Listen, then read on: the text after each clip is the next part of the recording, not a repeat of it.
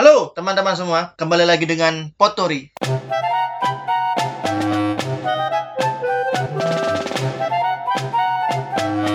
Potori, podcast history. Podcast yang membahas sejarah yang jarang dibicarakan oleh orang-orang dan membahas orang-orang tanpa sejarah. Anjir gaji gak sih Dan? Kita udah berapa lama sih gak siaran Dan? Gak tahu. Oh.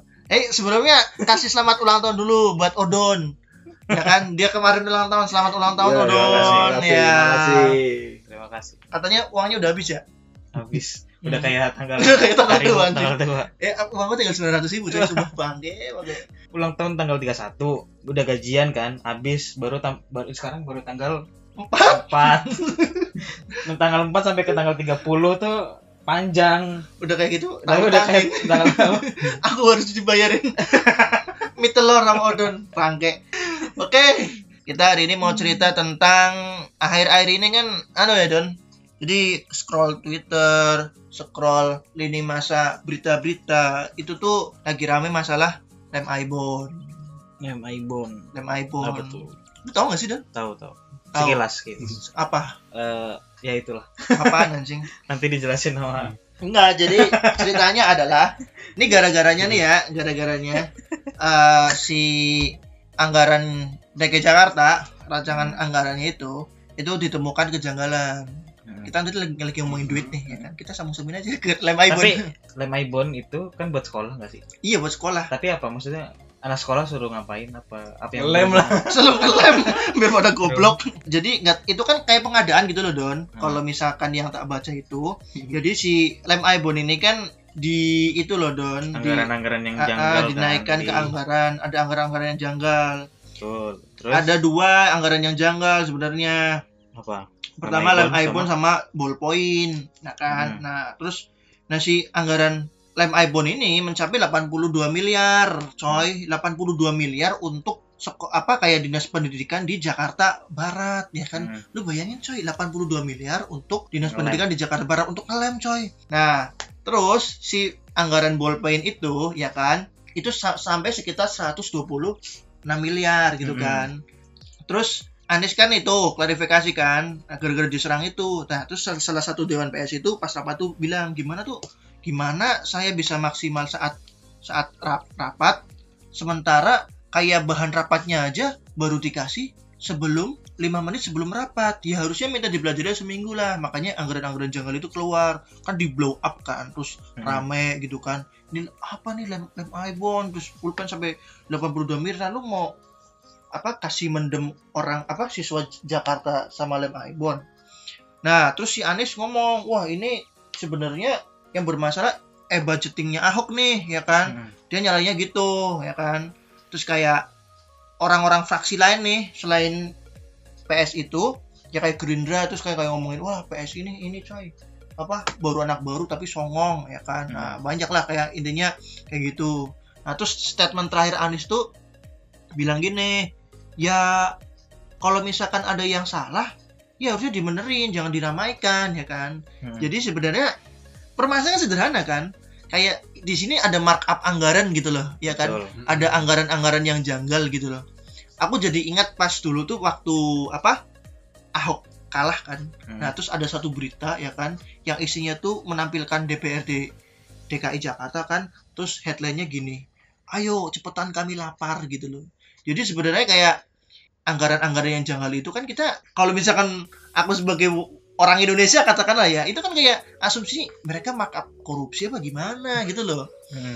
Nah, kayak- kayak model-model pengadaan-pengadaan barang itu dan ini nggak sekali sebenarnya, nggak pertama kali kayak Anies tuh punya anggaran janggal kayak gitu. Dulu tuh yang sempat diributkan adalah TGUPP. Jadi Anies kan punya namanya itu TGUPP, Oh, Tim Gubernur untuk Percepatan Pembangunan. Ya. Nah, itu kayak yang kayaknya si itu loh Bambang Wijoyanto dia juga di sana kan. Hmm. Nah, terus dia diga, apa gajinya tuh sampai 19 miliar. Itu anggaran janggal lagi soalnya. Gaji. Iya sumpah 19 miliar Cuma nggak tahu ya 19 miliar itu per individu atau apa Itu kalau dibeliin Dicicil selama di, dicicil selama 50 tahun Itu kalau dibeliin Batagor bisa satu itu coy stasiun Klender bisa itu semua sih Apa kamu bisa Sambal semua ya. ah, ah, bisa nggak apa diisi Ciliwung pakai itu Hmm. Nah sebenarnya Tapi sebelum masuk sana, eh, kalau markup mungkin sebenarnya di pengadaan-pengadaan itu kayaknya wajar ya. Maksudnya wajar dalam tanda kutip wajar untuk memarkup sesuatu ngerti gak sih? Ya. Kalau pengadaan-pengadaan. Nah, tapi kenapa harus lem ibon gitu? Maksudnya kan untuk sekolah kan. Itu maksudnya pensil di markup eh di pul- pul- pulpen masih ma- ma- masih make sense lah. Hmm, Pulpen kan buat anak sekolah dan segala macam di Hmm. markup walaupun terlalu besar kan. iya. Tapi lem ibon tuh buat apa gitu loh? Nah iya maksudku ini Bisa, bi- kan orang bisa, bisa aja itu apa ya? Iya, maksudnya bisa aja kan pensil, Kayak- pensil kayak- warna, Iya juga, ya kan buku, bisa aja kayak kertas, bla staples, bla bla. selotip, ya kan. KTK gitu-gitu. Terus inul, pensil inul, Sa- sakalaka bumbum ya tau gak pensil ajaib itu kan lebih bermanfaat gitu loh. Iya. What the Ya, hell? wa- walaupun sama-sama nggak make sense tapi maksudnya lebih Iya. lebih mendekati lah. Eh kayak aku curiga tuh kayak yang input tuh dia emang lagi sakoh beneran sebenarnya. Nah, makanya tuh hari ini kita hadirkan di sini narasumber ya kayak dari sebuah perusahaan-perusahaan konstruksi. Kita sambut Saudara Batman, apa kabar Saudara Batman? Gimana men kabar men? baik baik baik Sehat, udah gajian men? tiap hari kayaknya Oh, udah baru gajian anjing udah kaya lu men berarti men. Dari Lem Iban. Ah, dari Lem Ibon. Nah, jadi ini sebagai gambaran ini saudara Batman adalah mungkin aktor-aktor yang terlibat dalam mensuplai lem-lem Ibon di DKI Jakarta. Jadi ini men masalah markup anggaran. Nih lu kan kerja di perusahaan konstruksi sini men sama Hmm, pengadaan buku-buku terus pengadaan ATK gitu barang-barang ATK gitu kan. Ah. Lu bisa cerita nggak sih kalau kayak gitu tuh mainnya gimana? Jadi kenapa yang di kasus ini tuh lem ibon sebenarnya kalau dalam sekolah itu nggak ada fungsinya. Nah cuma kenapa jadi sasaran itu lem ibon Iya. satu sasaran empuk dalam dunia perusahaan itu dalam bisnis lah ya. Khususnya logistik. Itu yang enak itu eh, bahan habis pakai Bahan Jadi, habis pakai. eh, eh, itu yang bisa dimainin gitu. Oh gitu. Hmm. Terus maksudku kalau misal supply su- supply lem Ibon buat apa habis pakainya? Maksudnya di, di 80 Sel- lebih selain lem, harganya harganya berapa sih? ntar, selain lem Ibon yang habis pakai apa contohnya? Contoh seperti ATK, ya kan? Terus kertas HPS. Karena Hmm. apa? Eh, itu ada alasan. Yang pertama, dalam sekolah. Nah, Anu, pengadaan barang.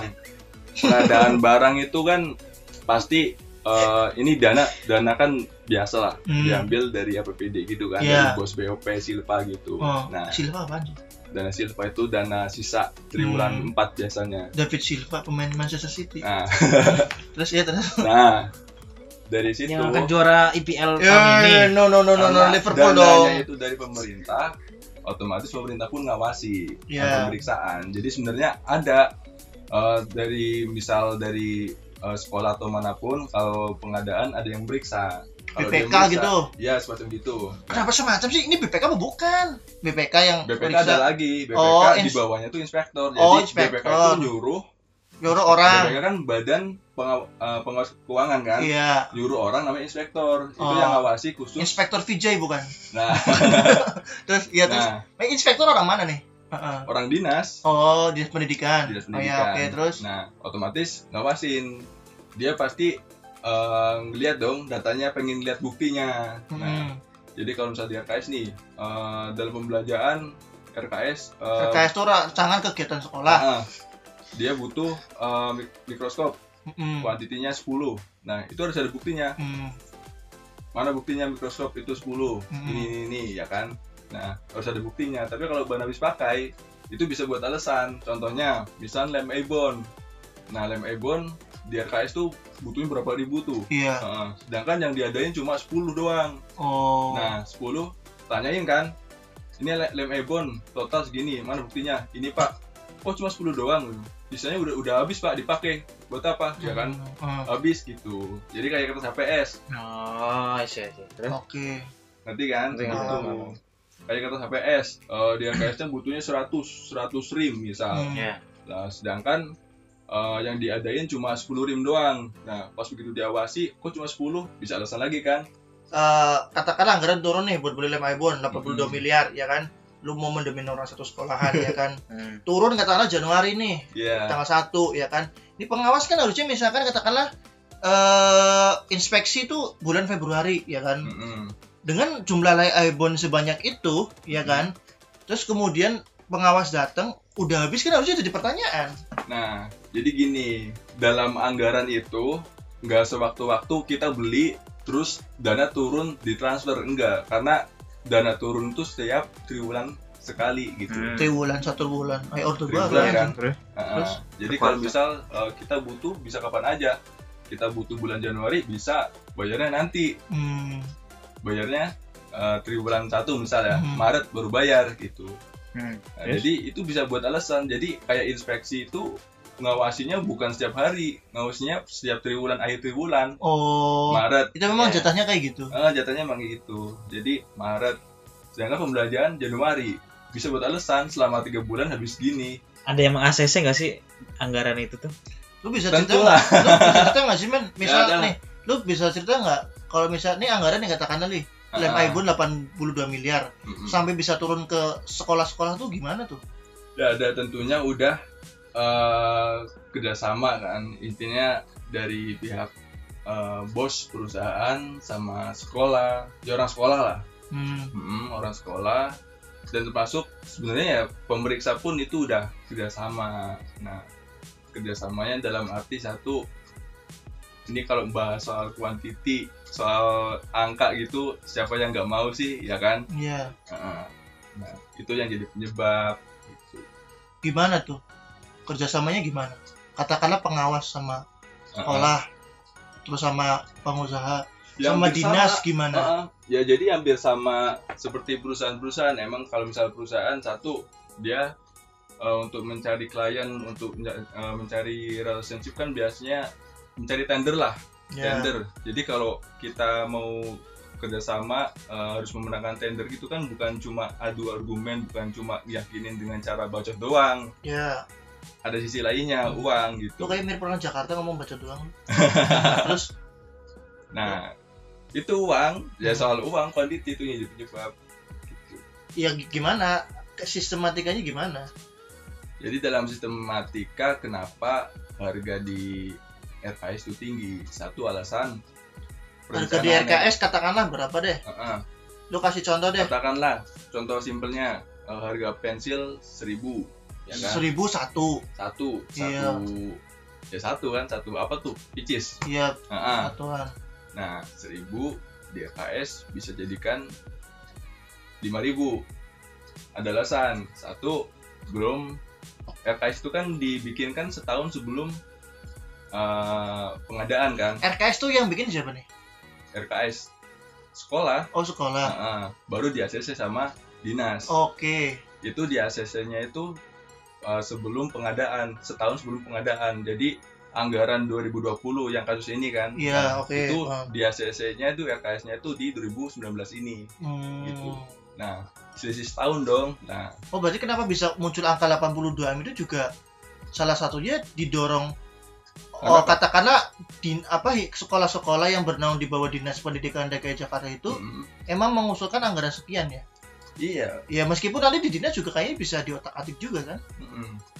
nah itu ada satu alasan buat antisipasi harga karena harga kan nggak nentu jadi Hmm. setiap tahun kan pasti naik gitu Iya. terus yang kedua itu soal PPN karena eh, dana RKS itu pun belum termasuk PPN karena kita juga kan wajib pajak kan PPN 10% Iya. Nah, Wajib pajak bagi pengusaha. ya 10% Mm-mm. terus yang ketiga itu kenapa harga melambung juga itu udah kerjasama sama yang lain untuk bagi-bagi uang bahasanya gitu diskon lah Heeh. jadi eh, dari RKS itu tujuannya buat antisipasi antisipasi dalam arti barangkali seakan-akan nanti harganya tinggi sedangkan di RKS-nya itu kurang Hmm, nah kalau kurang kan nanti repot gitu loh ya. Heeh. Berarti ini orang PSI nggak tahu gitu apa gimana ya? tahu sebenarnya tahu Terus? soalnya ya kalau orang dalam hal kalau passionnya di bisnis biasanya tahu gitu Terus? kalau orang-orang passion bisnis sudah lama ya biasanya tahu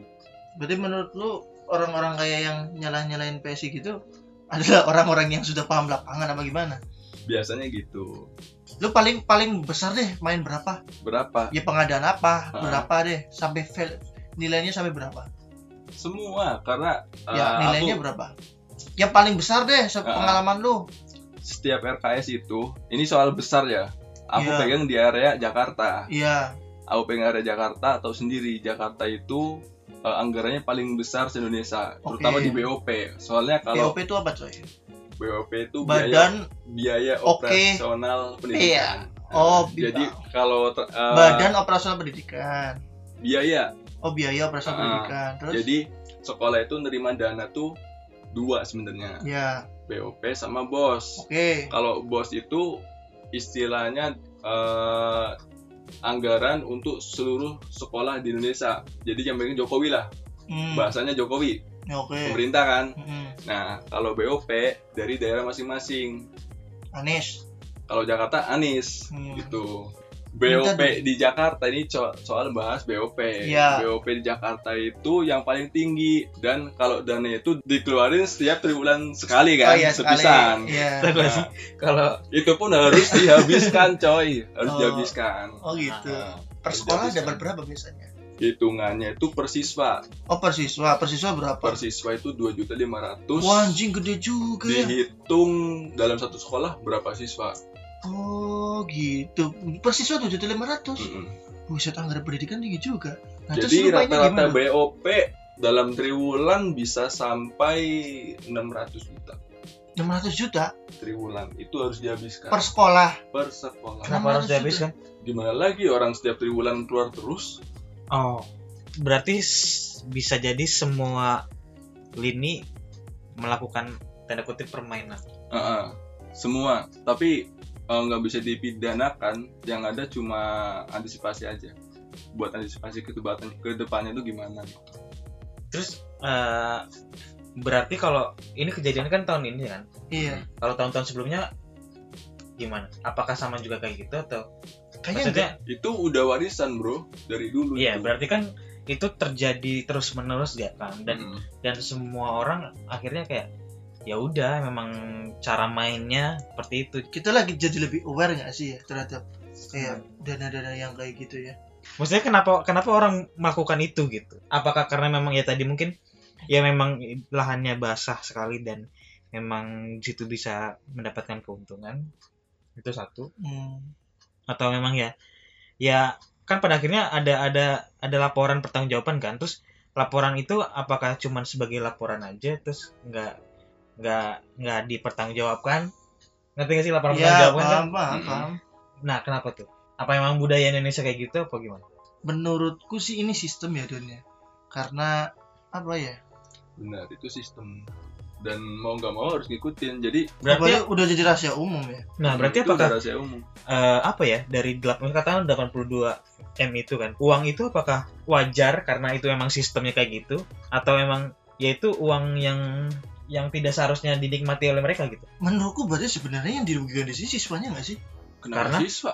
Iya katakanlah Oh. coy. Ya kan lu kan bilang tadi kan Heeh. satu siswa dapat dua juta lima ratus. Ah, ya kan? Dari anggaran BOP.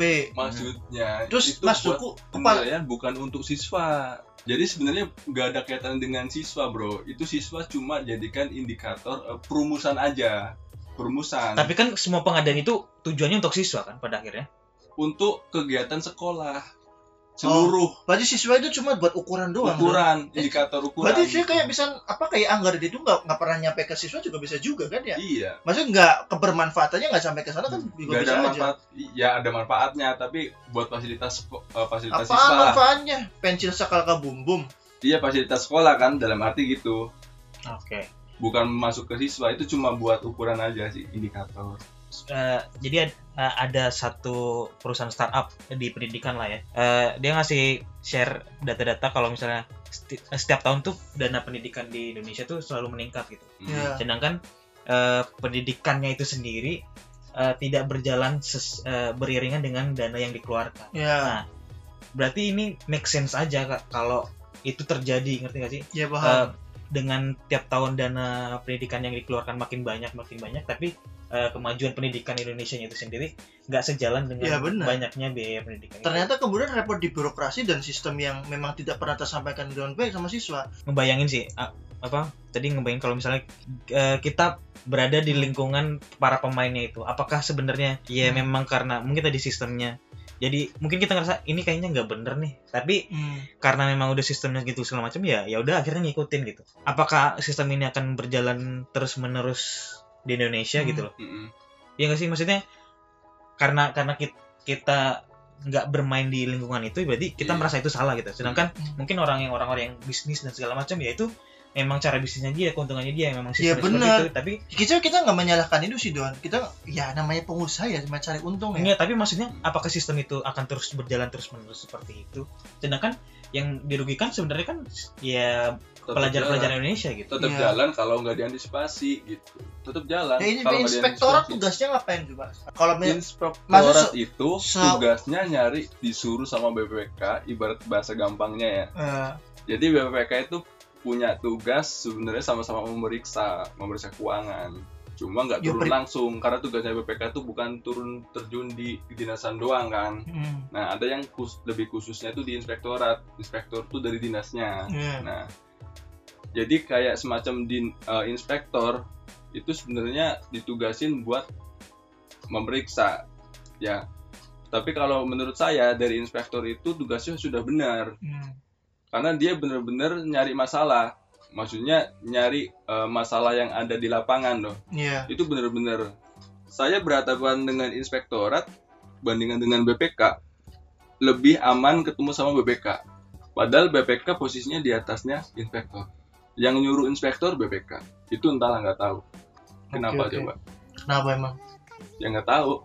Ya kan? Tapi yang jelas kan itu kenapa dia diem maksudnya nggak mempermasalahkan oke siapa yang bertanggung jawab Yang ngusulin siapa? Mm-mm. Enggak maksudnya ya, pada akhirnya siapa yang bertanggung jawab gitu apakah emang Anies apa layak disalahkan atau seperti apa atau Iya, emang karena dalamnya yang mungkin Ah. tidak terjangkau sama Anies sendiri itu terjadi di daerah-daerah juga kan Ah, banyak sebenarnya kalau mau menyalahkan Nggak. Anies sebenarnya nggak bisa juga enggak sih. menyalahkan Ya, tapi harus- maksudnya harusnya yang dia bertanggung memeriksa jawab gitu dong. yang bertanggung Iya jawab emang harusnya kalau kepala pertama jawab ya iya. ke- yang bertanggung jawab kepala dinas Ah. satu dari pendidikan ya kan terus Anies ya, terus kemudian ya kayak bawah-bawah jajarannya satu ya ya masalah sistem kan tadi Hmm. contoh. Contoh aja ya kepala sistem sekolah aja lah. sistem yang kemudian bisa melanggengkan kayak praktik-praktik ya aku bilang praktik kotor ya praktik kotor ini Hmm. terjadi karena ya gimana?